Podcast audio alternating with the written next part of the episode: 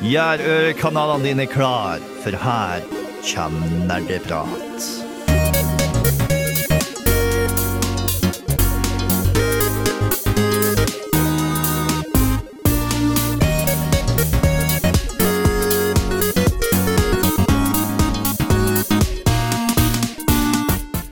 Hei og velkommen til nok en ny episode av Nerdeprat. Vi er tilbake i studio nok en gang.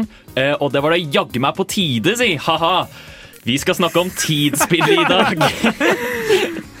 Hva er det? Eh, det skal vi utdype mer om etter hvert. Men for nå så kan jeg si at mitt navn er Håkon, og jeg er programleder. Med meg i studio så har vi Bård? Og tilbake igjen! Tai! Hei! Velkommen. Hei, hei. Faen ta deg. Jeg lever. Ja, du lever. Men vi er sinna på deg fordi du Jeg sa ifra. Jeg sa fra. Ja, ja. Vi, håpet egentlig på at du skulle være borte en uh, uke til. Det var det du sa. Fuck you, altså. Men jeg er tilbake. Ta, Ja. ta jeg tilbake fra ferie. Uh, vi er ikke sinna på han på ekte, bare så det er klart. Men uh, Da, da slapp vi å ha en gjest. ja, da slapp vi ha gjest. Så eh, tenker vi bare hopper rett i det. Vi er glade for at Tai er her, men vi er enda gladere for at vi nå skal høre Hudkreft med Gud. Ha-ha, du aktiverte nettopp mitt trap card. Nå er du nødt til å høre på Nerdeprat til episoden er ferdig. Nani? Vi gjør som vi alltid gjør. Vi snakker om hva vi har gjort siden sist. Og her er det vel naturlig å starte med Tai, siden du har vært på ferie. Jeg har vært på ferie. Det har vært kjempefint. Jeg har spilt så jævlig mye. Spilt spill. Hva, spill. hva har du spilt? Eh, Jeg har hatt litt sånn derre Jeg hater meg selv-periode, så da spilte jeg en god del Rust. Ja, det Er ikke det hver uke? Ja. Er ikke det hver det er faktisk faktisk hver uke. Men jeg pleier å spille til helga, siden det krever så jævlig mye tid. Eh, Men vi ble vraka. Vi ble bokstavelig talt vraka. Kan du definere vraka? Eh, Du plukker opp en stein når du, du spåner på eh, langs randa, og så blir du skutt i huet to sekunder inn. Og det her skjer om og om igjen i typ en time. Ok, Så det var ikke sånn at dere hadde bygget opp en veldig stor base og var veldig fornøyd med den, og så plutselig så var den borte? Nei, vi kom oss ikke så langt engang. Fordi hver gang vi plukka opp en stein på stranda, så ble vi skutt i huet. Ja.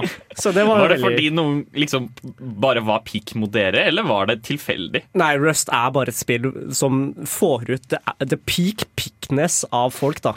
Så folk som spiller Rust, hater deg og hater livet sitt. Men, men er det ikke tilfeldig hvor du gjenopplives? Jo, jo, men her er problemet med hele serveren var drittunger, altså, så det var ikke bare én gjeng. Ok, Så Eh. alle var liksom på stranda og venta på at dere skulle dukke opp? sånn at dere kunne skyte Ja, Det føltes jo veldig sånn ut, Ja. men eh, jeg tror folk bare spåner på stranda selv, altså. altså var Men det sånn. de har vel Hvordan fikk de tak i våpen? Nei, men de har, det er jo folk som har spilt lengre. Da, siden det, er sånn, det er ikke sånn du starter en ny server samtidig med alle andre sammen. eh, Nei, alle sammen. så klart ikke. Mm, så noen sitter på taket sitt med et gevær da, og- og Har du- plaffer folk som Ha, spåner. har du vurdert å bare ha din egen server med ingen andre, kun dere, så Nei. dere kan ha i fred? Det ødelegger jo hele poenget med Rest. Jeg har jo lyst til å hate meg selv mens jeg spiller Rest. Ja, så, så klart. Ja. Klart. Ja. Be- Beklager. Har du spilt noe som ikke gjør at du hater deg selv, da? Ja, jeg har spilt skikkelig mye Bannerlord, OK. altså Mountain Blade. da. Eh, Det begynner å Jeg tror det er det mest, nest mest spilte spillet mitt nå, da. Etter Eh, etter Terraria. Terraria var det shit, altså. Back in the day. Var? Du mener er? Jeg har ikke spilt det på så lenge, så jeg vet faktisk ikke. De, de har jo bare forbedret det og forbedret det. Det kan, men eh, på et eller annet punkt blir det litt for mye. Det er som å spille Minecraft med alle modsa. Nei, det, de, det er jo ikke det. De, de har bare lagt til flere gjenstander, flere ting å oppnå og sånt. Det er jo, kan jo ikke bli for mye. Hva snakker du om? Ja, ok, sorry da. Men ja, du har spilt med Bandlord? Ja, jeg har ikke lagd dere ennå. Jeg må få meg kone først. Ja, ok. Men Så snart jeg får kone, så skal dere bli født. da. Så Er vi, får vi, er vi dine barn? Dere er som regel mine barn. Det er eh, Jeg er usikker på om det er urovekkende eller koselig. Ja, jeg hadde liksom forventa kanskje en, sånn, en bror eller noe sånt, men Ja, eh, ja. Nei, men jeg, jeg, har, jeg har brødre fra før. Eller eh, medriddere, som du bare Nei, kan, du kan ikke gi navn til heroes. Du kan bare gi navn til barna dine. Men hæ? OK, greit. Så, så, så de, de du har i partiet ditt, kan du ikke gi navn til, men du kan gi navn til barna dine. Ja, okay. ok. det jeg vet. Så har dere noen karriereønsker, gutta? Du kan- Eh, du kan- Jeg har jo en karriere, holdt på å si. Ja, men jeg tenker sånn, Har du lyst til å være krigsherre, eller har du lyst til å være Jeg kan selge Jeg deg vil borti. tjene uhorvelig mye penger og eie alt. Ok, Du kan få trader-routen. Ja. Du kan få trader pointsa. Hva med deg, Håkon? Jeg er ikke kresen. Okay. Jeg kan gjerne være peasant, hvis du vil det. liksom. Ja, altså, jeg kan godt selge deg diplomatiske Håkon er veldig Jeg skulle akkurat til å foreslå dip- diplomati for Ja. Håkon. Ja, men du, jeg kan selge deg til naboriket. Det Ja, går helt fint. altså, eh, jeg er alltid klar for å ta en støyt for fedrelandet. Ja, Så, Kjempebra. Ja. Så, så, det, så det er ikke noe stress. Ja, men greit, da ordner vi det, altså. Ja. Jeg kan oppsummere også hva jeg har gjort siden sist. Egentlig ganske kort. Uh, jeg har gjort studier for en gangs skyld. Jeg kom på at Oi, jeg er jo student! What Ja, er du? Imponerende. Kanskje, kanskje jeg burde gjøre det. Så jeg hadde muntlig øving i dag hvor jeg presenterte en masteroppgave som heter eh, så mye som språkholdninger i Sandefjord. Sk- Oi. Skrev du masteroppgave? Nei, jeg bare presenterte. Ok. Ok. Det er masterskisseemne. Mm. Um, og så har jeg spilt masse Deathloop, men uh, det er et spill vi skal snakke om etterpå. Så vi, vi, vi venter med den praten foreløpig. Uh, så tenker jeg vi også skal høre hva Bård har gjort siden sist, men ikke før vi har hørt Hilja med Take Them Down. Nerdprat er glad i å snakke om nerdeting og dataspill, og vi spiller ofte spill, og Bård særlig spiller masse spill. Nei, ja, altfor mye, Ja, så hva har du spilt siden sist, Bård? I hvert fall et, et, et utdrag Ja, av ting. eh, for det første så kan jeg eh, nå opplyse om at eh, jeg har levelet alle jobber i Final Fantasy 14 til høyeste nivå. Gratulerer. Takk. Eh, ja, det er noe jeg jobber liksom gradvis på. Hvor lang tid tar det, Bård? Ja, Det hvor, spørs hvor effektiv du er, men jeg har jo nesten ikke Altså, du kan logge på og få gjort liksom veldig mye veldig effektivt, og så logge av igjen og så vente til neste dag. Fordi okay. det er sånn daglige bonuser som du gir mer exp og sånt. Men det er ikke det jeg egentlig har lyst til å snakke om. Jeg har lyst til å snakke om primært to spill. Det første heter The Forgotten City, som er et litt sånn tidsbasert spill som vi egentlig prata om i dag, men eh, vi rekker ikke helt Den skiller seg ut godt nok til å egentlig snakke så mye om det utenom. Men eh, hvis du er interessert i of Wilds og lignende, så er det noe å sjekke ut. Jeg syns vel det var litt verre enn Outer Wilds. Litt, litt mindre utforskning. Det er mer sånn å prate med folk og finne ut hvem har motiv og sånne ting. Så i bunn og grunn, du, blir, eh, du oppdager en gammel by, eller blir, du blir frakta tid til en, en gammel romerby. Og der får du vite at okay, det er en gyllen regel som gjør at hvis noen synder, så vil hele landsbyen bli gjort om til gullstatuer. Så, det din, Ok. eh, så det, du blir, eh, det du får i oppdrag sånn helt i starten, er ok, du skal finne ut hvem av de her som er mest sannsynlig at kommer til å gjøre dette her. ah, og, og på et tidspunkt så blir alle til gullstatuer, og så starter du på nytt? Jeg røper ikke så mye okay. mer, men eh, jeg kan røpe det om at det er, det er en tidsloop der. Ja. Og noe som også er litt interessant, er at du kan ta med deg gjenstander gjennom den. Så hvis du har plukket opp en gjenstand i en tidlig loop, så kan det hende at du, så kan du Hvis du eksempel har eh, laget noe, laget et våpen for eksempel, i første loop, så kan du bruke det i andre loop, eller gi det til noe som trenger det i andre loop. ja, ikke sant. Så litt interessant på den måten. Men det er så mye Men det er liksom alt jeg har lyst til å si om spillet, fordi det er noe som burde oppdages på egen hånd. Veldig gøy. Det var eh, på rabatt til å tilbud over helgen, eller sånt, og kommer sikkert på tilbud en gang i fremtiden. Høres interessant ut. Ja, det var det. Eh, jeg, er ca. ferdig med det. Det er fire mulige slutter. Jeg fikk den ordentlige slutten og en annen slutt. Så jeg er litt usikker på om jeg skal gidde å prøve å få, finne, få de to andre sånn med en gang. Men hva er eh, hovedpoenget til gameplayet? Er det, sånn, skal du, er det fighting, eller er det Du skal gå rundt og prate med folk og prøve å finne løsninger. Prøve å finne ut hvem er det som egentlig er skyldig her, og så finne ut at ting kanskje ikke er helt sånn som det ser ut til å være. da. Okay, så om, du, om du sammenligner med Outer Wilds, da, hvor det er mer utforskning og lesing av på en måte skrifter og sånt, så bare snakker du med folk? Ja, du prøver liksom å finne ut å ja, denne her er kanskje et motiv for å gjøre dette fordi de er ikke fornøyd med lederen, så kanskje de har lyst til å Eller kanskje de er um, Eller kanskje Å ja, denne her ble uh, truet av noen andre, så da har de en Den som truer, har, kommer da kanskje til å synde. Ja, det er ganske kult. Mm. Har du et til? Det har jeg. Uh, ja, I tillegg så har jeg spilt sånn seks timer av et spill som heter Paradise Killer. som er et etterforskningsspill på syre. Du, uh, okay. du spiller en uh, etterforsker som har blitt uh, uh, for, uh, altså fordømt fra landet sitt, holdt på å si, eller landet i hermetegn, i sånn ti millioner dager. Så det er et overnaturlig å ha endelig liv, uh, uendelig liv. Hun blir trukket tilbake til øya for å finne ut hvorfor rådet på øya har blitt dremt i sånn typisk låst rom-scenario, hvor ingen egentlig vet vet ja. hvordan de kommer seg inn. Eh, det er masse guder og demoner på øya. De har eh, vanlige landsfolk som de behandler som skyr. Musikken er helt fantastisk. Verdenen er 3D, men alle karakterer og gjenstander du plukker opp, er i 2D. Det er gøy. Uh, masse blod. Uh, blod er en veldig stor greie i dette spillet. Og ja, uh, personer er unike. Du har en uh, dame med geitehode som er liksom har halvveis blitt gud. Du har en gud på øya, du har demon på øya. Ting ser veldig enkelt forklart ut i starten, men så begynner du å grave litt og bare hm, her er det noe mer. Og så er det liksom ti forskjellige saker da, som du må løse. fordi det er, Ikke bare er det drapet på det, det rådet, men det er også bare hvordan kom den mistenkte seg løs, eller hvordan kom den mistenkte seg inn for å drepe de folka. Mm. Er det, når, du, når du beskriver det som på syre, er det fordi alt bare liksom Hele settingen er så vill? Ja, det er liksom plottet og narrativet er Ja. ganske vilt. Det at du har eh, Du har liksom alternative virkeligheter, du har uh, guder og guddommeligheter og alt mulig sånt som er liksom Og ja, du har en imp som du ser bare sånn overalt på byen, eh, eller i kart og sånne ting. Ble du ferdig på, med spillet på seks timer? Nei, ikke helt. Jeg kunne kanskje blitt hvis det hadde vært litt mer effektivt. Men det er, liksom, det er noen uh, trekk, eh, noen ting jeg vil dra ned, og det er at det er veldig stort å utforske, som gikk uh, veldig lite med ting rundt omkring. Så du må bruke mye tid på å bare gå rundt, som er irriterende. Okay. Men annet enn det, jeg liker veldig godt. Musikken er fantastisk, og selve etterforskningsscenen er veldig bra, den også. Det høres i hvert fall veldig kult ut. Ja. Ja. Nerdenytt. Vi skal ta noen korte nyheter. Det er ikke så mye eh, som har skjedd, men uh, Det er ikke så mye. Hva snakker du om?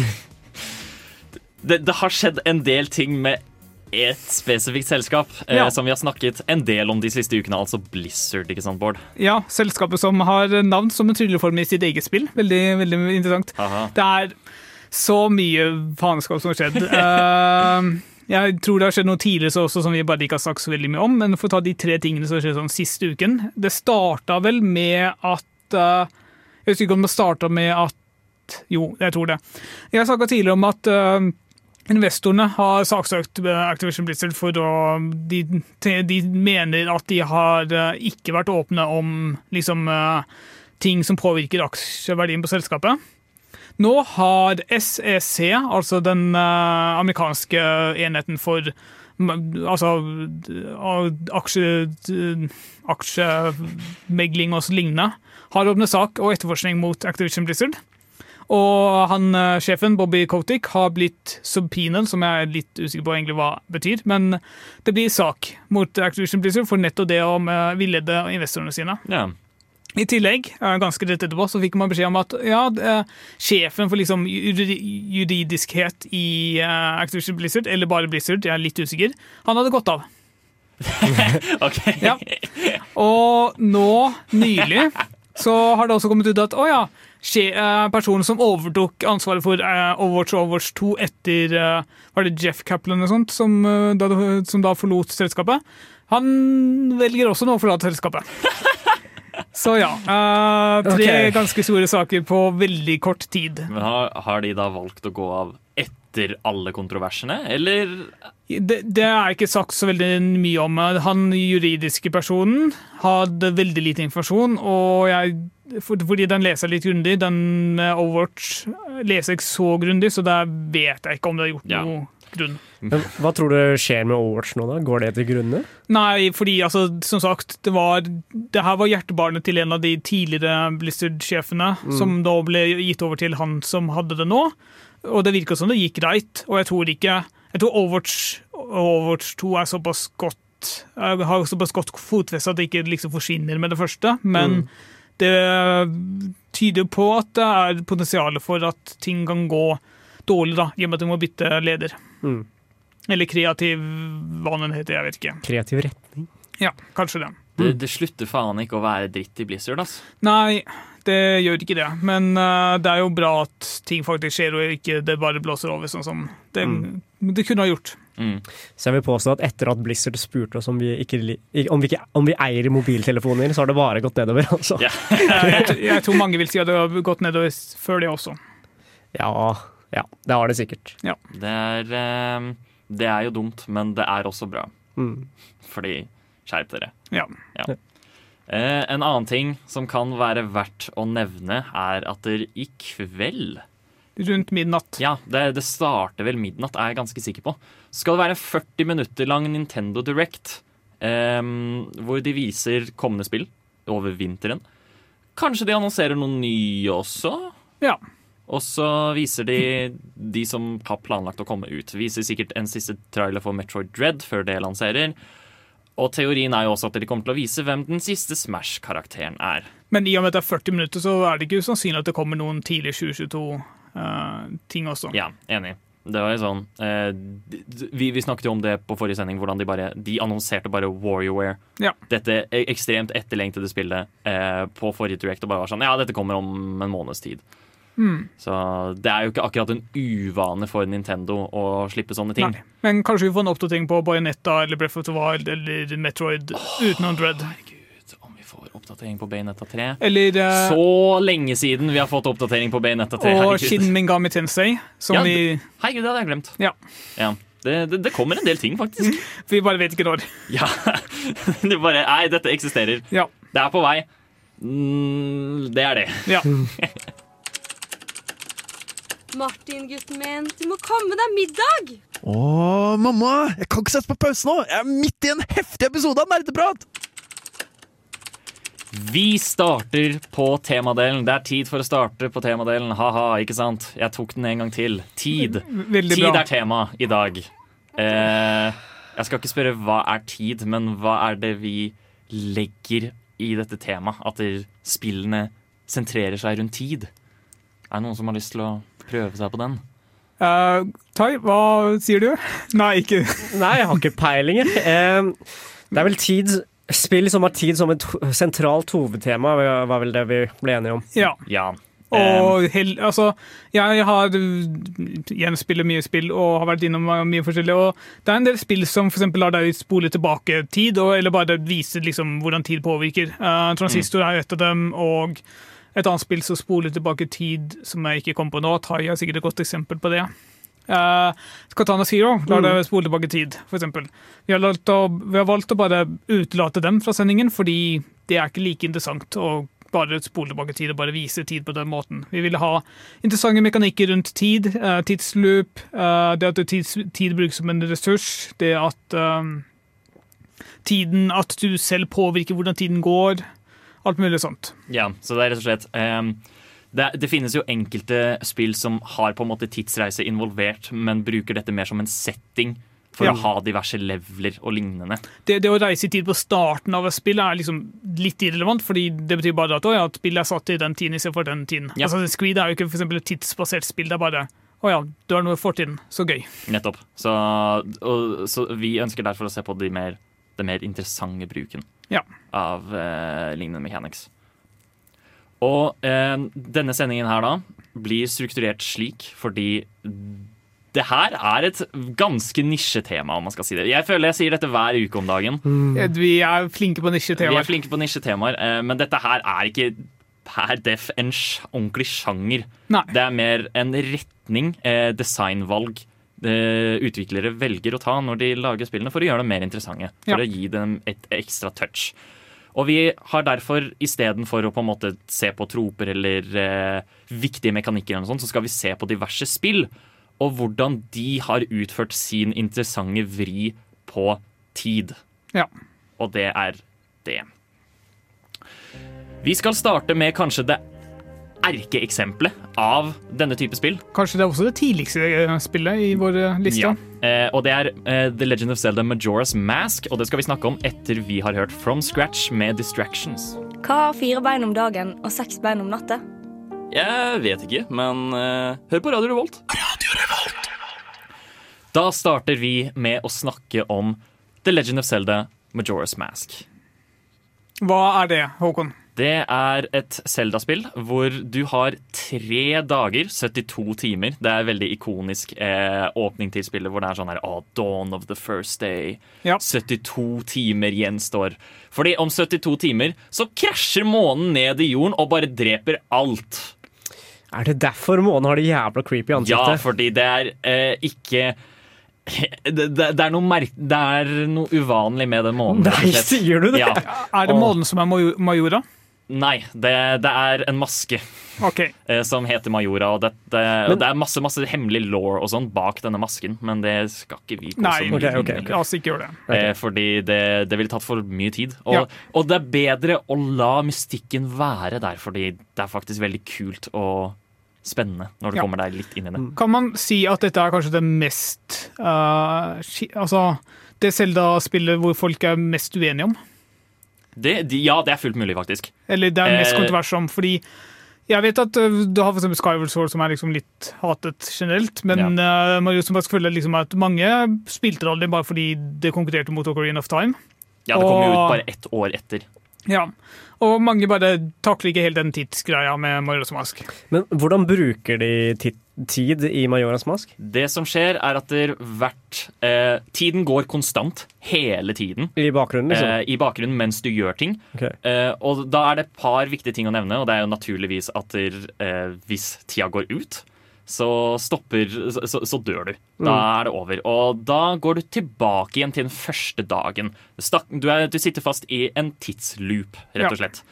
Ja. Men, men er det sånn hardcore, så du mister all progress? Nei, eh, du får items, eh, og du beholder disse itemsa. Så hvis du f.eks. får bua, så beholder du den, men du må eh, Piler og lignende, liksom ting du kan bruke opp, Ja. eh, de forsvinner. Ok. Så de må du få på nytt. Og så tror jeg liksom fremgang Hvis du har klart et tempel, så beholdes det også. Ja, fordi det er også Poenget er at det det er fire forskjellige templer. Eh, og hvis du klarer ett tempel, så ja, så da beholder du likevel eh, progressen her. Ja. Og, men det som kanskje er det kuleste delen av Majora's Mask, da, er at det, det er jo tre forskjellige dager, og du har eh, denne ekstremt livlige byen i midten av eh, verdenen, Termina, eh, som heter Clocktown. Hvor du har dritmange forskjellige karakterer, og alle har sin egen agenda, og de gjør den samme agendaen hver eneste loop. Som vil si at Hvis det er en karakter som gjør en ting på et spesifikt tidspunkt, neste gang du kjører den samme loopen, så kommer den til å gjøre akkurat det samme. Ja. Og en del av spillet, i hvert fall sånn sideoppdrag og ting du kan valgfritt eh, låse opp, er det å finne ut ok, hvordan skal jeg angripe dette her, hvilke personer skal jeg følge, når kan jeg faktisk gjøre Mm. det der. Sånn, eh, for å ta et eksempel, da. Eh, hvis, du, hvis du går eh, ved midnatt på første dagen, rundt der, eh, så kommer det en gammel dame som bærer en bombag. Eh, og, det, og ved midnatt så er det også en tyv som stjeler den bombagen. Og hvis du ikke stopper han, så kan du ikke kjøpe bombag. Da må du gå tilbake, du må gå tilbake og stoppe han. Fra å gjøre det for å kunne få den Og da kan du plutselig ikke komme deg videre. Fordi du stopper han ikke Men det her sier vel spill til deg også, hvis hun eller jeg håper i hvert fall, Hvis du prater med henne, så sier hun at ja, den ble stjålet i natt. Så, Ja. Sånn at du vet at ok, hvis jeg går dit om natten, så kan jeg stoppe det. Ja, så spillet gir deg tips til hvordan å på en måte stoppe det. Men kan du, vente, øh, eller kan du gå tilbake i tid som du vil, eller må du vente til, hele, til neste delen av loopen? Du har diverse låter. Eh, I Ocarina of Time så introduserer de Så har de denne låta som heter Song of Time. Eh, og her bare liksom går de egentlig ganske berserk med den. Hvor du har eh, Song of Double Time. Ok? Eh, som gjør at du hopper fram en halv dag. La oss si at du starter loopen på nytt, eh, og så, vil du, så, så har du ingenting å gjøre den første halvdelen av første dagen. Du skal bare starte på kvelden. Da kan du bruke Song of Double Time for å hoppe direkte dit. Ok. Men du Eh, Men du kan også bare gå opp i klokketårnet og nullstille eh, loopen Ja. når som helst. Ok. Eh, eventuelt så kan du spille vanlig Song of Time også for å nullstille loopen når som helst. Oh, ja, det, ja. det I tillegg så har du Song of Reverse Time, som gjør at tiden går saktere. Sånn at der, eh, fordi Vanligvis så går klokka egentlig veldig fort. Jeg tror alle tre dagene er over etter sånn et, ikke en halvtime ja, eh, ved vanlig tid. Men hvis du bruker den, så går tiden enda saktere, sånn at du får mer tid til å gjøre ting. Ok, Så det er meninga at, at, at loopen ikke går første gang? Nei. Nei, Okay. Det, det, det, det skal ikke gå. Du, skal, du, du går gjennom den loopen veldig mange ganger okay. før du klarer du, å du må fullføre spillet. vel i hvert fall fire ganger bare for å ta templene. Ja. Jeg tror templene tar såpass lang tid at du må bruke hele, altså en hel loop på dem hver. Men i tillegg så er det også det at um, Ja, du har jo diverse sideoppdrag og sånt også som du kanskje vil gjøre. Men uh, gjør, uh, gjør eh, Majora's Mask den største synden av japanske spill? Må du se på en kjempelang cutscene hver jævla gang? Nei. Å, takk Gud. De, de er faktisk ganske effektive med det. Ja. Og det er eh, Jeg vil si at det er Altså, det er jo et av de første, men det er også et av de beste liksom, Ja. som, som har utført dette tids, uh, tidsloop-konseptet. Fordi liksom det er, så, det er så enormt kult å kunne observere og være med på liksom hva heter det, agendaen til alle disse vanlige menneskene som bor i byen. Ja. Og det, og det er kjempeflott. Vi skal nå høre fra en mann som er veldig langt unna hva han syns om programmet Nerdeprat på Radio Revolt. Nerdeprat er veldig gøy! De snakker om nerdeting og dataspill! Sånt liker jeg!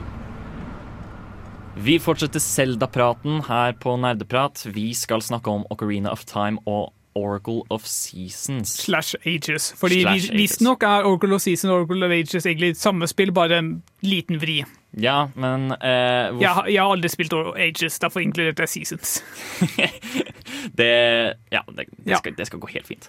Jeg tenker Vi kan starte med Ocarina of Time, siden det på en måte er nærest knyttet til Majora's Mask. som Ja. var det forrige vi snakket om. Eh, Ocarina of Time er jo på mange måter liksom det som kommer, det, er- det er det som kommer før Majora's Mask. Majora's. Mask blir sett på som oppfølgeren. Eh, Ocarina of Time bruker tidsreise på, eller tid på en helt annen måte enn det Majora's Masker ved å ha tidsreise.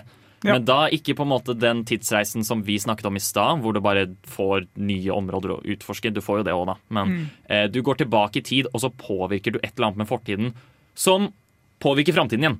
Ja. Eh, Erkeeksempelet her er jo naturligvis Song of Storms. Selv om det er en tidsreise-fuck-paradoks der, eh, så går du altså i framtiden, hvor du møter en mann, og han er så sinna over Song of Storms. Eh, Og da går du tilbake i tid, og så lærer du deg Song of Storms i fortiden.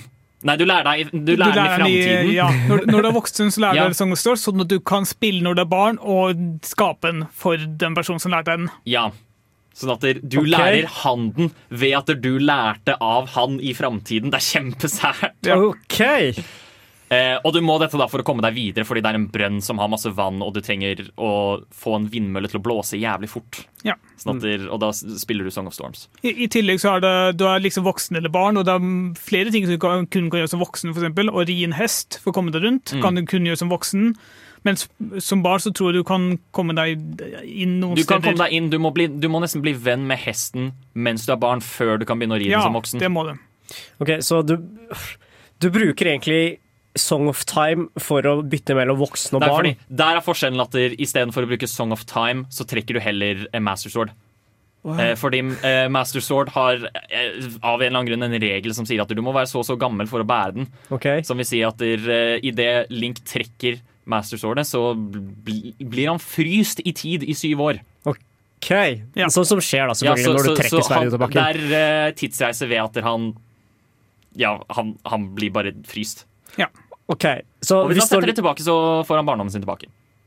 Hæ? Ja. Ja, det, det, Den siste delen gir absolutt ingen mening, er men drit i det.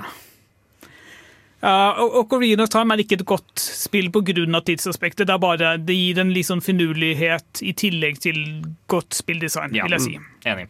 Jeg vil si at uh, Oracle of Rages er mye flinkere på å liksom bygge inn tidsaspektet i spillet, fordi der kontrollerer du altså i season så kontrollerer du alle fire sesonger. Og da er det sånn at Altså årstider. ja, årstider Ja. stemmer. Så noen ting er kun tilgjengelig på vinteren, noe på høsten, noe på sommeren, noe på våren.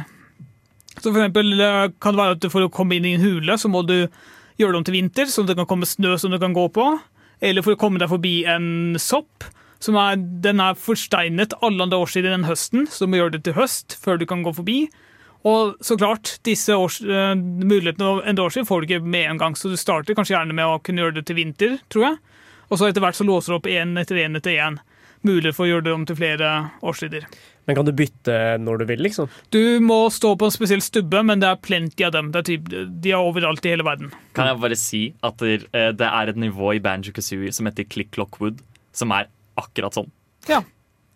Det er kult. Så, og jeg er ganske sikker på at The Oracle of Ages og Seasons var før Banjo Kazooie. De kom i hvert fall på Gameboy Color. Ja, ikke sant? Så da er det mest sannsynlig før. Ja. Um, som vil si at de spillene inspirerte et helt nivå i Banjo Kazooie. Kanskje. Mest. Muligens. Men jeg syns de har vært veldig flinke på det, fordi du må liksom tenke litt sånn OK, ofte så må du gjøre en ting i en årstid, og så bare gå til en eh, annen stubbe og bare gjøre det om til en annen årstid. Kanskje du må til og med også endre årstid inn i et tempel for å kunne komme deg videre. Oi. Så de, de har vært veldig flinke med det. Ja, Men det gir jo også mening med navnet. Mm, det er veldig kreativt. Men er, er dette en greie som Selda-franchisen er flink til å gjøre fortsatt den dag i dag, eller Nei. har de bare holdt seg unna? De, de har vel, istedenfor å gå for sånne type eh, spillmekanikker, så har de vel mer gått tilbake til det første Zelda-feelingen, som bare var å utforske. Ja, og litt sånn Metrovania, du må inn på tempel for å få Ja. tak i en eh, gjenstand som hjelper deg å komme videre. Mm. Ja. Det er veldig lite tidsaspekt. Du har liksom Link between uh, Link to the past eller Link between Worlds. uh, Men hva heter nye gjenskap... Link between worlds. Nei, men den som kom etter det igjen. Den som kom helt på nytt. Eller gjen... Å ja, Link's Awakening. Ja. Er, er det en tid? Det er ikke noe tid der. Nei, OK. Men, eh, men ja, de, de var i hvert fall veldig glad i liksom sånn der tidsreise og å bruke alt, verdenen, på en måte. Ja. Men uh, primært tidlig, ikke noe så mye nå lenger. Eh, men det er kult, og det var derfor vi ville framheve disse som eksempler likevel. Eh, nå skal vi snakke om The Sexy Brutal etter vi har hørt Kilo Kish med Bloody Future. Halla, snupper! Vil du være med og høre på nerdprat, eller? OK, her kommer vi! Neste spill på lista som vi skal snakke om, er The Sexy Brutal. Jeg har ikke så veldig mye kjennskap til dette. Hva er dette, Bård? Det er et spill uh, hvor du Du kommer vel til en type herregård, uh, og du blir Hvor det er noen merkelige ting som skjer. Ja, det, er det er starten. Uh, så det du har, du har en klokke som kan liksom stille tilbake tid, og så er det egentlig bare så går du rundt og observerer. Og det du fort finner ut av, er at eh, en, av, altså, en person i herregården uh, dreper en annen. Og da, okay. det, som er ditt, din oppgave, er å spole tilbake tiden og finne ut hva du kan gjøre for å hindre at det skjer. Det er liksom som morderleken. Ja, ja, på en måte. Du, liksom, du observerer et drap først, og så må du finne ut ok, hvilke ting kan jeg, han, altså, kan jeg gjøre, interagere med for å få dette til å ikke skje. Og så er det type Du starter veldig lite nivå med liksom kun to personer, men etter hvert så blir det mye større. Du må unngå å bli sett av folk. Da blir det skummelt, og de prøver å jage etter deg. Du har kanskje to eller tre stykker som er redde samtidig, og så kommer det da til en slutt som liksom gir plottmessig eh, altså, Som er, gir en slags plott-slutt. Det, det er, men eh, hvordan, kommer tid inn i alt dette? Om vi kan Fordi du, du, på samme måte som i Marios Mask, så har du at hver person har sitt eget mønster som uavhengig. Så de, for eksempel, hvis du skal drepe Tai, så går du kanskje hjem og henter en eh, flaske med gift, og så går du kanskje hit på Lucas-bygget og heller det oppi kaffekoppen til Tai. Så da kan du Da kan jeg- det. Gå hjem til deg, bytte, eller kanskje ikke hjem hos deg, fordi det er ikke tilgang, men hvis eh, du, hvis du oppbevarer giften her på Lucas, så kan jeg bare bytte ut den med eh, jeg vet ikke, sukkerlake, og så dør ikke Tai. Ja. Ellers kan du bare ikke lage kaffe den dagen, da.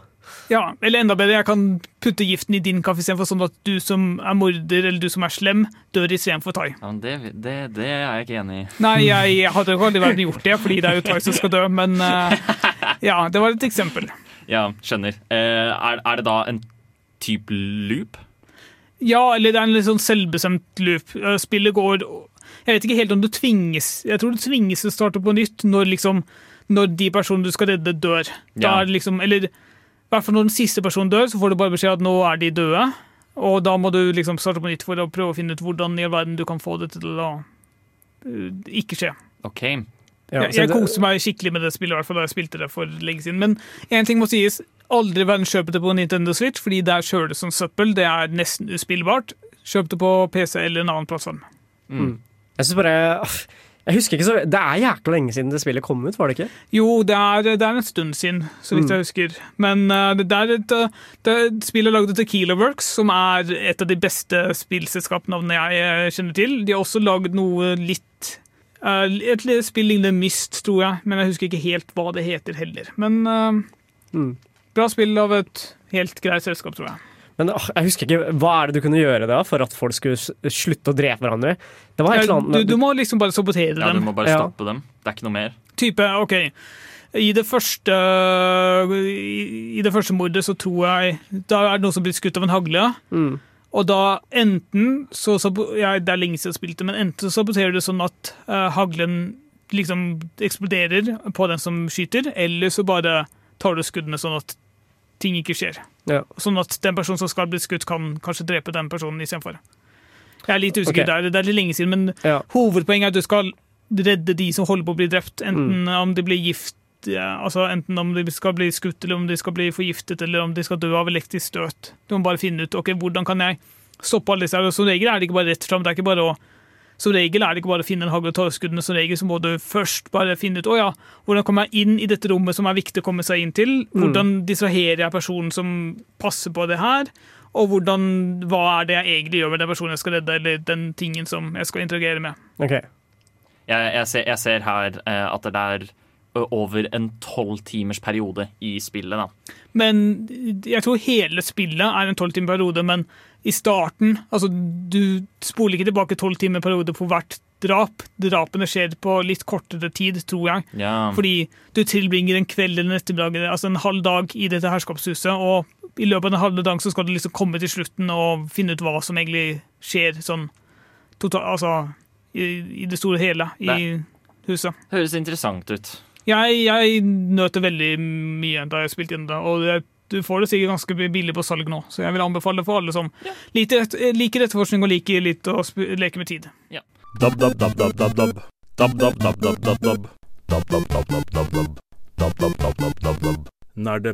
er på DAB-radio.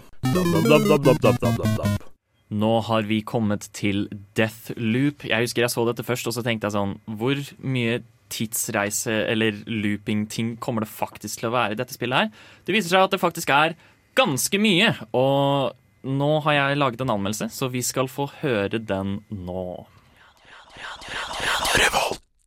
Deathloop er det nyeste spillet til Arcane Studios og handler om en mann som sitter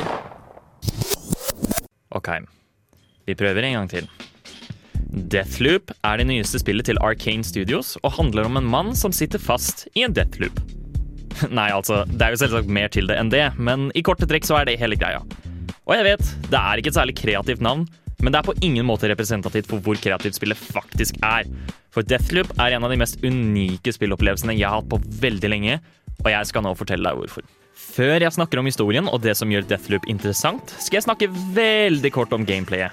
Jeg skal ikke gå så mye i detalj her, rett og slett fordi spillet føles veldig likt ut som Dishonored, hvor du sniker deg rundt, dreper folk og har overnaturlige krefter. Med andre ord, hvis du liker Dishonored, så kommer du antagelig til å like gameplay til Deathloop også.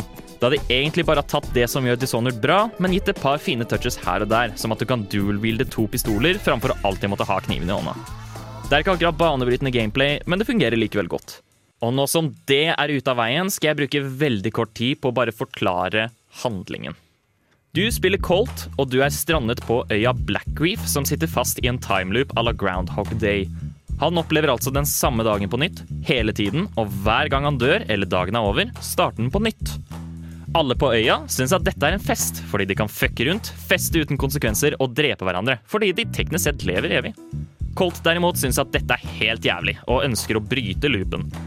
Dette er vanskelig fordi loopen holdes sammen av åtte stykk som kalles visionaries, og disse har helt forskjellige timeplaner og er aldri på samme sted til samme tid. Colt må altså klusse med tidslinjen og finne en måte han kan drepe alle åtte innen én og samme dag.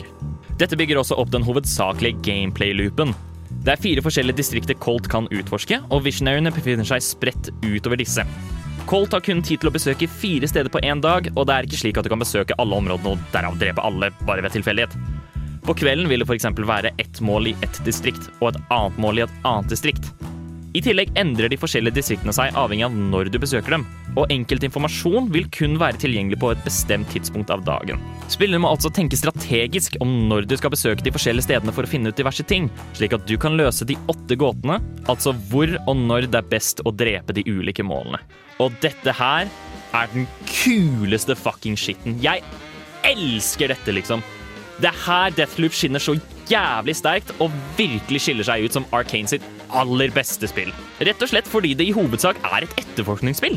Du undersøker de forskjellige visionariene, lærer mer om dem, deres svakheter og deres teamplan, og så utnytter du denne kunnskapen for å få alt til å gå opp. La oss ta de to tidligere visionariene som jeg nevnte, som er på to forskjellige distrikter om kvelden. Kanskje du gjør noe tidligere på dagen som fucker opp med planene til en av visionariene, som gjør at de ender opp på samme distrikt på kvelden likevel. Spillet vil altså at du skal finne smutthull hos alle karakterene, slik at du kan planlegge det bokstavelig talt perfekte drap. Og det gir så jævlig benderen i hjernen, liksom. Du føler deg sykt god og sykt smart av å løse disse gåtene. Og det er så tilfredsstillende å se puslespillet falle på plass.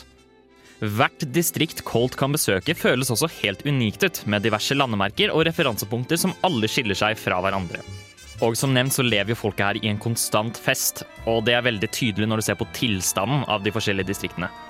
Det kan best beskrives som at verdens verste romkamerat og en interiørdesigner fikk en baby, da det er slikk og pent, men bomba til helvete med tagging og søppel.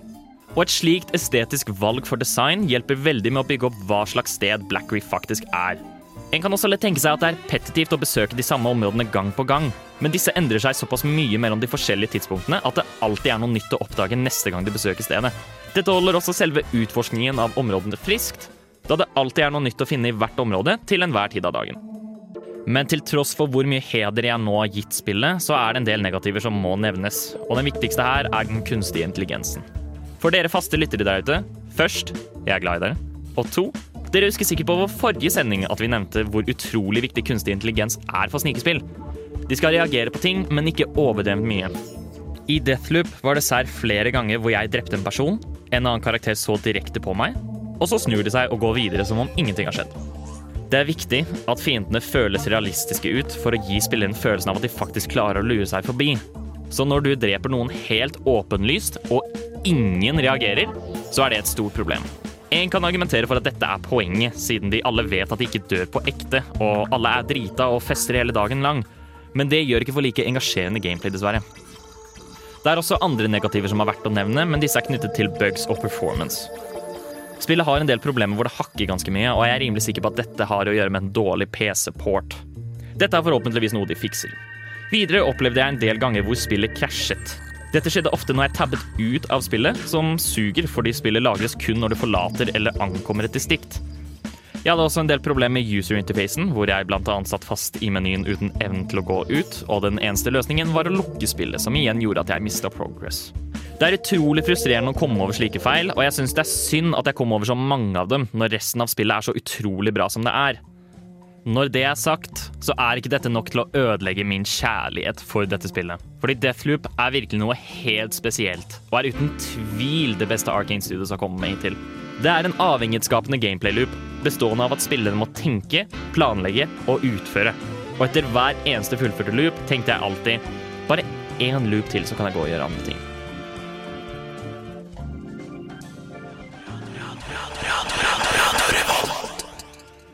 Der fikk vi høre min anmeldelse av Deathloop. Det Jeg liker det ganske godt. Er det jeg Men kan si. ytelsesproblemer. Eh, Mange ytelsesproblemer. Eller generelt problemer. Ja. Ja. Det. Men det, det, sy- likte du det bedre enn eh, ah, Hva het det andre spillet? kommer? Dishonored. Dishonored? Langt, mye bedre. Mye bedre. Oi. Men, eh, men det er Hva er det? Hele, det, hele denne mekanikken med at du har fire forskjellige distrikter og sånt du kan gå til, gir spillet så enormt mye frihet. Dishonored har jo også frihet i liksom hvilken vei du tar, og sånt, men du skal på en måte det er én spesifikk ting du kan gjøre. Her kan du gjøre alt i hvilken som helst rekkefølge du vil. Og det, og det er veldig veldig gøy. Og så er det Det gir meg den detektivfølelsen, ikke sant? og jeg syns den er kjempe, kjempedeilig. Ja, når du besøker distriktsfrys, står det da stille i tid, sånn at alt er morgen eller dag? Ja, eller sånt? Hvis du f.eks. besøker et distrikt på morgenen, så kommer ikke tiden til å gå videre før du forlater distriktet. Ja, Så du kan bruke evig med tid innen distriktet på Ja, du kan, bruke du kan ta deg god tid på å Ja. utforske distriktet når du har valgt å gå dit. Så du må egentlig få alle sammen til å dukke opp i samme distrikt til slutt, kanskje? Ja, omtrent. Ja. Eh, det er jo det er rett og slett, Men du må i hvert fall finne en måte hvor du kan drepe alle åtte i løpet av fire besøk til Ja. forskjellige distrikter. Eh, og det er jo der liksom, den store sjarmen til spillet kommer inn. Mm. Og det er nettopp det å finne ut hvordan du skal gjøre det. Har du klart det nå?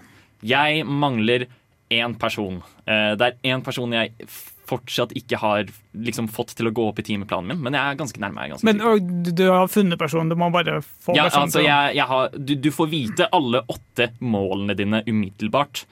Eh, liksom hvem du skal drepe. Du må bare finne ut hvordan du skal kunne drepe dem alle på en dag. Ja. Eh, og det, og det syns jeg er kjempekult. Jeg, jeg vil også påpeke et par andre ting. Eh, jeg nevnte liksom at den har eh, kule, krefter, eh, sånn som i Dishonored. Det er ikke like psycho som i Dishonored. Der kan du jo tilkalle svermer med rotter og stoppe tiden helt. Mm. og sånne ting.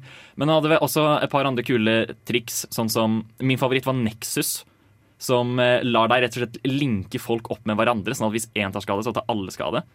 Så det er, Hvis du da får en headshot, så bare faller alle som dominobrikker. Og det var veldig gøy. Det er litt kult, da. Ja, det er kjempekult. Men vent da, Markerte du et område, eller så du at du var linka med den, du var linka Du, med du, den? du, du skyter eh, en link på én person, og så skyter du på en annen person. Ok, Eh, og så kan du skyte egentlig opp til så mange du vil, så lenge du har eh, mana. Men hvorfor kan du ikke da bare linke hele øya sammen og drepe alle Fordi samtidig? alle står jo ikke sammen på en gang, Bård. Det er jo hele problematikken. Hørte du anmeldelsen i det hele tatt? Ja, men hvis du bare Nei, fordi du, du går jo tom for eh, mana. Okay. Den, den, den drainer deg gradvis for mana, er tingen. og du kan ikke få mer mana. Du kan få mer mana, men eh, hvis du går tom for mana, så brytes linkene. Ok, Så når du er nesten tom for mana, så må du få mer mana, sånn at du ikke Ja, men det, men det kan du ikke få. Du, okay. du, går, du går tom før du får mer. Håkon, det, her, det høres ut som et, øh, det, det høres ut som det ikke er løsningsorientert nok. Du må bare ha vilje, Håkon. Mm, nei Men ja, eh, så, så denne her gjør på en måte tidsreiseaspektet mer sånn at istedenfor det, det, det blir mer at du skal gå til steder og så finne ut av ting. Ja, Kommer du tilbake til det senere, f.eks.? Men er det en slags sjekkliste som, som du vet hva du burde Ja, ja. finne ut av? Du, du, husker, du husker alt. Og så er det sånn, hvis du eksempel Det, det er et eh, distrikt som er liksom høykulturelt boligdistrikt som heter Updam. Eh, når du går dit på morgenen, så er det eh, et bibliotek fullt av fiender eh, og masse ressurser som du kan ta. Eh, fordi fiendene er der. ikke sant? Om du går dit på ettermiddagen, så er, ikke, så er biblioteket åpent, men det er ingen der lenger. Og alle ressursene er borte. Men eh, da har det skjedd andre ting som ikke skjer på morgenen. Som f.eks. et hus har brent ned. Og eh, et annet hus på sida som bare eh, har en datamaskin som har et live action rollespill. Det har åpnet, så du kan gå dit og spille et live action hvor, hvor mye spilte du, da? Jeg, jeg spilte det hele, men, men det er fordi du må. Det er, du finner, du finner uh, spor i det Ok, huset. Så du spilte ikke utover det du måtte? Nei. Men, okay. men uh, poenget er at det er kun tilgjengelig på, et, uh, på Ja. formiddagen. Mm. Og, og sånn som det, Når du ser at dette huset har brent ned, f.eks., så gir det deg kanskje en clue om at mm, kanskje jeg burde sjekke dette tidligere. ikke sant? Da Ja. går du og sjekker det på morgenen, f.eks. Mm. Og det er sånne ting som det da som gjør Deathloop veldig kult, og det er en av de mest unike skytespillene jeg har Men spilt på. uh, noterer ned at du burde sjekke det etterpå, Ja, eller er det noe du må huske selv? Så du, du, du- får en oversikt over alle trådene du har Ja. gående. Og så får du også oversikt over de trådene du faktisk har fullført, sånn at du vet ok, jeg kan ta denne personen på dette tidspunktet. Hva er det du liker best ved studentradioen? Jeg hører alltid på studentradioen. jeg. Vi skal snakke om eh, hva, skal man si om Superhot? Det er i hvert fall Det, er et spill. Det er et uh, utrolig gøy spill. Eller Ja. konseptmessig, i hvert fall. Det er så jævlig stilig. Ja, Uh, det er den du, du, Har lyst til å ta den, den ikoniske? Røde og hvite. Nei, su- Super. OK, super. Du må ta Hot. Ja. Ja, Ja, ok, der, der, der tok den. Hot. Super. Superhot er et uh, førstepersons skytespill hvor tiden beveger seg framover kun når du beveger på deg. Ja. Og det er sånn det kan beskrives. Jeg hadde også glemt at uh, plottet til spillet er jo egentlig at det her er et VR-spill man finner på en server, så Mm. Ja. noen har cracka for deg. Og så bare laster du inn, og bare ja, blir du møtt av fiender som løper mot deg. Ja. Eh, det er ikke akkurat så viktig for det vi snakker om i dag. Eh, Nei, men jeg, bare, Men det- jeg, ja, det- hadde det er helt glemt det, faktisk. Det er liksom så, ja. det er ingen som bryr seg om lauren til Superhot. Du bare dukker opp. Det som- Jeg gjør det. Det som gjør Superhot dritfett, er rett og slett at du, du, kan, du kan gjøre helt syke ting eh, med, med det faktum at tiden kun beveger seg når du beveger deg. Mm. Eh, Det er sånn Noen slenger et sverd på deg, og så du bare stopper opp, Ja. plukker opp sverdet, snur det om til det, og så kutter de huet på dem. ja. Eh, kan, kanskje, kanskje du, eh, du skyter, eh, og så stopper kulen midt i lufta, ikke sant? Fordi eh, be- tiden beveger seg idet du skyter, men så stopper den fordi du har slutta å bevege deg igjen. Eh, og så da skyter du en person, og så skyter du en annen person, og så kan du løpe, kaste våpenet ditt. Eh, fucke det i lufta, eller jeg aner ikke hvor jeg skal med det her, men det er eh, Du gjør kule ting, er poenget. Ja. Altså, det, det viser seg at hvis du kan kontrollere tid, så blir du en jævla badass. Ja. Overraskende nok. Og så gir det en del taktisk dybde. Ja. Du må liksom bestemme ok, skal jeg drepe han som holder på å skyte mot meg, eller skal jeg drepe han som løper mot meg og er én meter unna. Så du får, du får liksom betenkningstid på hvordan du ønsker å gå fram. Ja. Så- uendelig betenkningstid, faktisk. Ja, Så svaret her bare er begge. Du dreper begge. Du kan ikke drepe begge samtidig. Du må drepe én først. Ja, men for dem så spiller det ingen rolle, fordi de er døde. Ja. Nei, men du, du får hele den derre 'jeg er en jævla gud'-følelse. Mm. Og det er dritnice. Ja. Spesielt når det spilles igjen i etterkant. Akkurat, altså de I real time, liksom. Ja. Mm, mm. Ja. Å ja, herregud. Um, og det her, er, det her er vel også en av de mer unike liksom, måtene å bruke tid på i et videospill. Jeg tror ikke jeg har sett noe lignende. Nei. eh, No, kanskje noen få indiespill, men ikke, ingen som jeg kommer på sånn umiddelbart. Ja, Det er i hvert fall Superhot er en av de som har gjort det. Ja, spesielt ikke når det er 3D, i hvert fall. Så jeg tenker sånn, Det blir jo det samme som hvis det er 2D-grid, så blir det sånn turn-based. Mm. Men her er det jo 3D i real, real time, skal jeg til å si. Mm. Så det er, det er veldig unikt, og så er det veldig godt gjennomtenkt. Ja. Og det, det, hva er det, sånn som du nevnte, det, er- jeg syns det også er veldig gøy at de kombinerer et slik tematikk med et skytespill, som på en måte er kjent for å være veldig actionfylt og fast-paced. Mm. Og så får du da heller på, på en måte det motsatte, men samtidig ikke. Fordi det føles fortsatt veldig hektisk ut. Ja, og du, altså, du må fortsatt være god i skytespillet, fordi hvis fienden beveger på seg, så må du klare å time okay, hvor langt foran skal jeg skyte den. Men da har du jo veldig god tid til å sikte det inn, men allikevel hvis du bommer, så tar det ganske lang tid å laste, lade om, f.eks. Er det en annen sjanger som vi kunne hatt et Superhot-lignende spill i? Jeg tror de fleste sjangere altså, Du kunne sikkert hatt en Superhot Chivalry, Åh, det hadde vært jævlig kult. men jeg vet ikke hvor gøy det hadde vært, fordi det hadde vært ok, hvor, hvor kjapt klarer du å blokke. Ja, det er sant. Det hadde vært veldig ensidig, tror jeg. Ja. Mm. Førstemann som trykker space. Ja, men vi, vi, vi liker i hvert fall Superhot. Jeg, jeg plukket opp en ganske nylig, og jeg syns det er fantastisk. Men det er ikke Superhot, er ikke det VR også? Jo, det er eh, et spill som har hatt godt nytte av VR. Ja. Og i tillegg så, Jeg husker ikke helt om den ut... Jeg tror det er på separat spill som de slapp ut for ikke sånn altfor lenge siden, og ga ut til alle som hadde Superhot originalt første én-to ukene eller noe sånt. Mm. Jeg har ikke spilt prøvd det ennå, da, men uh... Altså, jeg tror Superhot i VR hadde vært kulere enn Superhot i vanlig. ja. En av spillene som faktisk kan ha skikkelig god nytte av det. Kan ikke du rapportere tilbake om en Jeg har uke? ikke VR, mann. Ja, men du har eh, jobb, du har råd til VR nå. Er det sånn det funker? Ja. Ja. Eh, vi har et par spill til vi skal snakke om. Eh, neste på lista er eh, et vi har snakket Litt om før, bitte litt. li, litt, litt om før. Uh, Outer Wilds. Uh, og det skal vi snakke om etter vi har hørt King Gizzard and the Lizard Wizard med Oberst, jeg prøver å snike meg forbi vaktene, men lyden av min rumpeblafreng distraherer dem fra å lytte på nerdeprat. Nå skal vi snakke om Outer Wilds. Og øh, altså vi, hva er det? vi skal jo introdusere det, men det er et spill vi har snakket veldig mye om i det siste. Har vi noe mer å legge til? er vel det egentlig spørsmålet. Ja, det er, du, du, du spør godt, men vi skal, vi skal prøve å finne en unik vinkling på Ja. det likevel. Fordi Outer Wilds er et videospill hvor du utforsker verdensrommet i en galakse. Som- Ikke, ikke nødvendigvis. Altså, du starter på en planet og får beskjed om at uh, ja, du vil kanskje ta, uh, ha en rakettoppskyting herfra. Ja. Men uh, du kan jo bare leve på den planeten i sus og dus og ikke gjøre Men det noe er som helst. kjedelig. Det vet du at vi ikke kommer til å gjøre, Bård. Ja, men kanskje Tai, da, som er litt med Excuse me? Som ikke er like eventyrlig som oss. Du, du kan ikke bare stenge meg på en planet og be meg dø.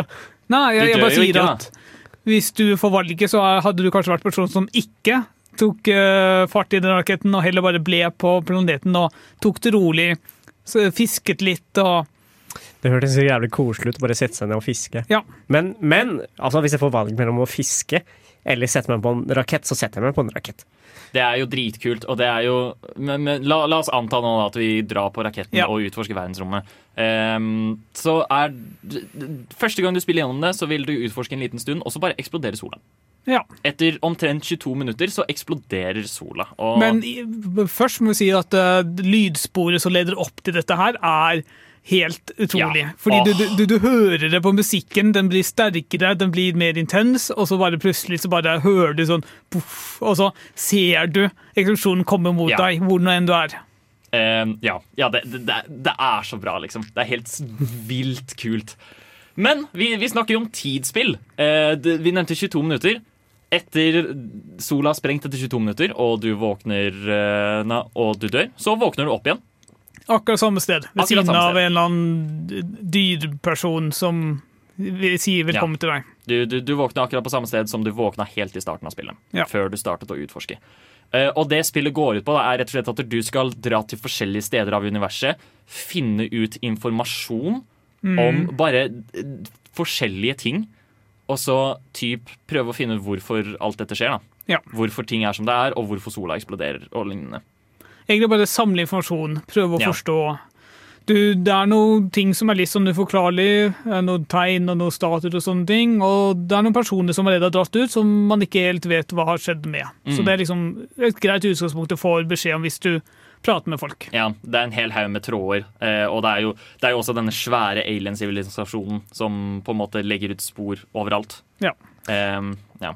Men eh, hvordan liksom Det er ikke rogelike-ish, så du, du gjør noe som påvirker neste loop. Så hvis du setter deg ned, dere som har spilt, dere, spilt spillet Du påvirker ikke neste loop, Ja. men du samler inn informasjon som du kanskje kan benytte i neste loop. ja. Så hvis dere setter dere ned på et nylauncha spill, så greier dere det på første loop? Ja, Ja. stemmer. Okay. Fordi Mm. du kan gjøre Hvis du vet svaret, så kan du fullføre spillet i På første loop. Ja. Men kanskje ikke på første, fordi det tar litt tid å låse opp romskipet i første loop, så kanskje du ikke har tid til å faktisk gjøre alt. Det Det, har jeg, jeg jeg tror ikke klokka går før du faktisk setter deg på romskipet den første gangen. Yeah, jeg har aldri Ja. prøvd. Men det er ikke så viktig. Eh, men poenget da er at der, du, du skal rett og slett finne Du skal løse denne gåten også ved å utforske diverse steder. Og kan, og da er det litt sånn som f.eks. i Deathloop, sånn som vi snakket om, hvor du finner informasjon et sted, og da leder det deg til å dra på en annen planet i Ja. stedet, for å finne ut liksom Ja, for å løse en ting som enten var på den forrige planeten eller på den planeten. Mm. Ja. Og, og, og, det skaper jo en veldig kul sånn ting hvor eh, og, og, enkelte ting eh, låser seg kun opp og er kun tilgjengelige på visse tidspunkt i loopen. Ja. Så vil si, du har for eksempel eh, Den kuleste planeten i spillet er eh, og Jeg husker ikke hva de heter, men det, det fungerer så å si som et timeglass. Mm. Eh, hvor de roterer rundt hverandre, og så faller det sand på den ene siden av planeten. Og etter hvert så vil jo det falle tilbake, men vi får ikke sett det. Ja. Så vi sier at den ene planeten blir bare dekket av masse masse sand i løpet av tidsloopen. Og den andre får det fjernet fra Ja. seg. Og etter hvert som at den får det fjerna, så kan jo du utforske dypere deler av denne planeten. Ja, og etter hvert så jo, så, hvor sand kommer på den andre, så kan du altså bruke det også. Ja. Eh, ja, hvis det kommer sand på den planeten som ikke har noe sand i starten, så vil du jo ha, litt, ha tid på deg til å utforske ting. Ja. Fordi Men ikke bruk for lang tid, fordi da blir drukner du eller blir låst Ja. inne. eller noe sånt. Men, men poenget da er at det er Etter hvert som du lærer disse tinga, så blir det veldig kule ting. Ja. Ja, og det, og det er vel egentlig det. Bare, bare spill Outer Wild som vi ikke har gjort det tydelig nok. For det er så bra. Det kommer DLC på tirsdag. Stemmer. Ja, Verdt å sjekke ut. Ohayo, minisan, konnichiwa. Du hører på Nerdeprat, nja-nja. På Radio Revolt, desune. Uvo.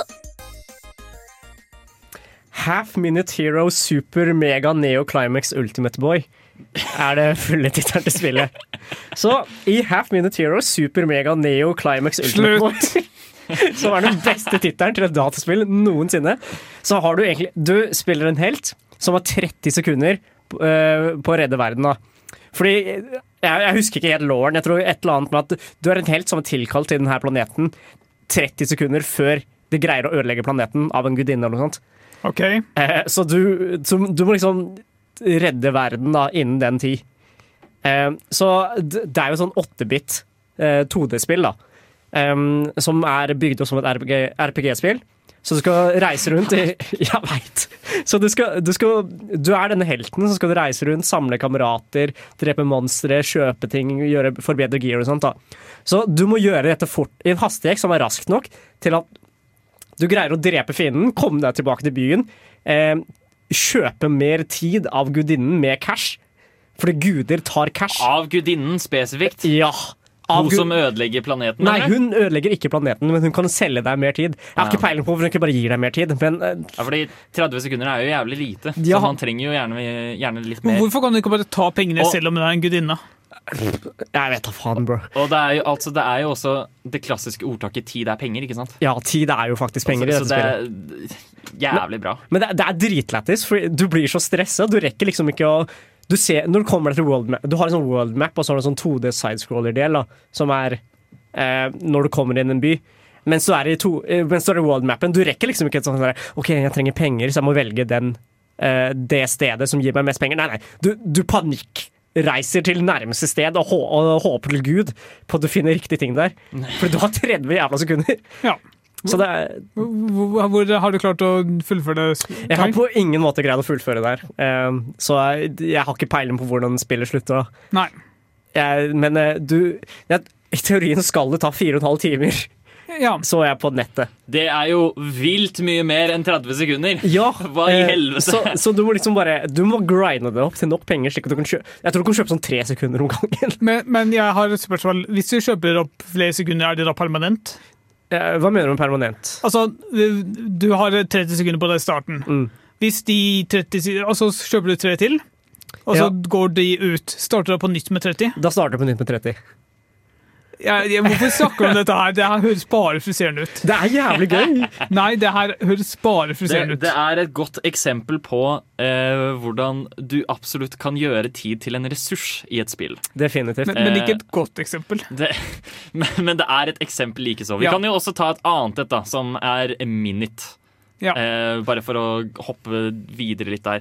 Hvor Minute så er du plassert i en liten verden. Jeg er litt usikker på hva egentlig formålet er. Du skal bare komme deg Du, du skal komme deg videre, du skal prøve Ja. å løse altså, Det er en slags Zelda, vil jeg si, hvor du prøver å liksom gradvis låse opp nye ting og få komme deg lenger og sånne Mm. ting. Bytte stedet hvor du starter, og det må du gjøre på ett minutt. Ja, Du har bare ett minutt på deg, så etter ett minutt så blir du så typ Men eksploderer du. Men forbedringene du har gjort, Ja. er persistente. De Ja. beholder du. Så det vil si at du gjerne kan komme tilbake til det stedet etterpå, eller og typ slippe å løse den gåten på nytt, eller Ja. lignende. Eller kanskje du lærer noe annet. Ja. Men poenget, da. Tid er penger. Tid er penger. Og det Ja. er en kul vri, selv om det er frustrerende. Når innså du at du var en gamer? Dersom du kunne spilt kun et spill i et år Hva er det eldste spillet i backloggen din? Hva har du lært fra spill som du har fått nyte av i Er det et spill som har hjulpet deg gjennom en tung periode av ditt liv? Hva er ukas utfordring? Det er ukas utfordring, for en gangs skyld. Wow, shit! Variasjon! Hva er ukas utfordring, Tai? Eh, Ja, I og med at temaet denne uka var tid, så har jeg spilt inn spilltitler, og så satt det baklengs. Så Ja. dere skal gjette hva spilltitlene er, da. Dette her er jævlig spennende, og det kommer til å være jævlig vanskelig. Ok, Okay. Så da får dere fire valg etter at dere har hørt eh, hva tittelen er. Vi får spille av første. Så det der var enten Minecraft, Runescape, Halo Reach eller Hollow Night. Eh, Hold of Night. Å, fuck. Uh, Halo Reach. OK. Bård, Minecraft. Ah, det, det er jo fucka vanskelig. Holy shit, det, det var vanskelig. Ok, jeg, jeg, Det var veldig vanskelig òg, her, her har jeg en til, vet du. OK, vi kjører på med neste. Aha, aha, så hva tror dere? Smedder Nero? Det, det er veldig kult. Um, det er enten Grand Theft Auto, Red Dead Redemption, Animal Crossing eller Tetris Battle 99. Det er Red Dead Redemption. Ja, det tror jeg også. Red Dead Redemption. Ja da! Let's go! 1-1! Ah, jeg, var, jeg var faktisk så sikker på at dere ikke skulle ta den. Men, men da, da var det liksom litt sj-lyder av uh, redemption. Og, og mange stavelser som Ja. gjorde det enkelt Og... Ja, men jeg Så- ga dere jo masse valg. Masse Men den var, også. eh, den var fin. Ja, ok. Vil du høre på neste? OK, den der oh. Ja, nå er jeg spent. Ok, Enten så er det World of Warcraft, eller så er det Super Smash Bros. Eller så er det Pokémon Brilliant Diamond, eller Ratchet Clank. Jeg tror det er Ratchet Clank. Jeg tror det er Super Smash Bros. Mm, Ja. Ratchet Clank. Yes! Yes! Seier! Ja, det var egentlig det. Seier! Ja. Du, du skal få den. Ja, men Fy faen, jeg trodde faktisk ikke du skulle greie noen. De var jo helt umulige. Det var, det var veldig mye vanskeligere enn jeg forventet at det skulle bli. Jeg, jeg tror det, det at du ikke eh, gjorde det saktere, har noe å si. Hadde du gjort det litt saktere, så kunne det vært enklere, men det å ha det i vanlig tempo gjør det vanskelig. Ja, men han greide jo to og tre Jo, allikevel. altså, jeg sier ikke at du skulle gjort det, men type altså sånn Fordi det man ofte Altså, det hjelper jo å ha det langsommere. Mm, Hvis du hadde hatt liksom en hel setning, så måtte du gjort det langsommere. Ja, det kan godt hende. Det er, jeg, jeg tenker det bare er jævlig flaks at folk ikke snakker baklengs, liksom. Fordi tenk så, van, tenk så vanskelig det hadde vært å forstå hverandre da. Men hvis alle snakker, snakker baklengs Da- da er det det nye språket ditt. Ja, men hvis, ja, men hvis for eksempel bare Tai da hadde snakket baklengs, og vi skulle hatt radiosending med han Hvorfor skal bare Tai snakke baklengs? Nei, jeg bare poengterer hvor vanskelig det er å forstå når folk snakker baklengs. Uh, Det var jo vanskelig å forstå der. Ja. Ikke sant? Det er poenget. Men jeg tror at hvis du prøver å snakke baklengs, så blir det automatisk lettere å forstå for de som hører på også. Jo da. Men, men, men forestill deg at det var en demon da som snakker baklengs. Tai, kan ikke du prøve å snakke baklengs nå? Jeg Igjen? Nei, jeg får ikke til. Nettopp. Ja, det, det, det var verdt et forsøk. Ja, ja. Men uh, vi har heldigvis res ressurser som lar oss snu det, da. Ja. Eh, heldigvis for vår ekte verden så er faktisk tid eh, for det meste lineært. Ja. Så der er vi heldige. La oss prøve å snakke rett fram. Ja.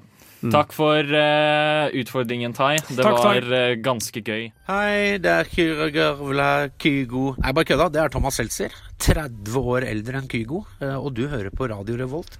Og du hører fortsatt på Radio Revolt. Du kan gjerne også høre det på, på det når vi har gått, fordi vi er ferdige for i dag. Eh, vi har snakket om tid i spill. Tidsspill. Hva, hva skal man si her? Tidsbaserte spill. Tidsbaserte spill. Eh, hva, slags, hva slags interessante vrier de kan ta. Og så har vi i tillegg annet snakket om Deathloop og fått en liten anmeldelse av det. Ja, og øvd oss i revers Øvet snakking. oss i reverssnakking. Neste uke skal vi ha om Ja, vi kaller det Diablo-kloner. Eh, Ja, eh, fordi Diablo er det mest kjente spillet innenfor sjangeren. ja, action, altså vi, action-RPG, men Diablo-kloner. Ja, Isometriske action-RPG-spillet som minner litt om hack and slash. Mm. Fordi Diablo 2 Resurrected kommer jo ut i dag. Ja, stemmer. Så um, vi skal ha det. Ja, jeg vil ikke anbefale å kjøpe det, fordi Blizzard er litt jævlig for tiden. Mm. Men Diablo 2, det originale, er, har, har fått veldig god kritikk. Ja, nettopp. Har vi noen siste tips før vi sier adjø? Spill spill. Drikk vann. To, to, to gode tips fra to kjekke karer. Vi er ferdige for i dag.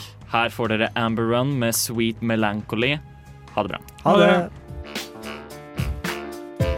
Du lyttet nettopp til en podkast fra Radio Revolt. For å høre flere av våre podkaster, gå inn på radiorevolt.no.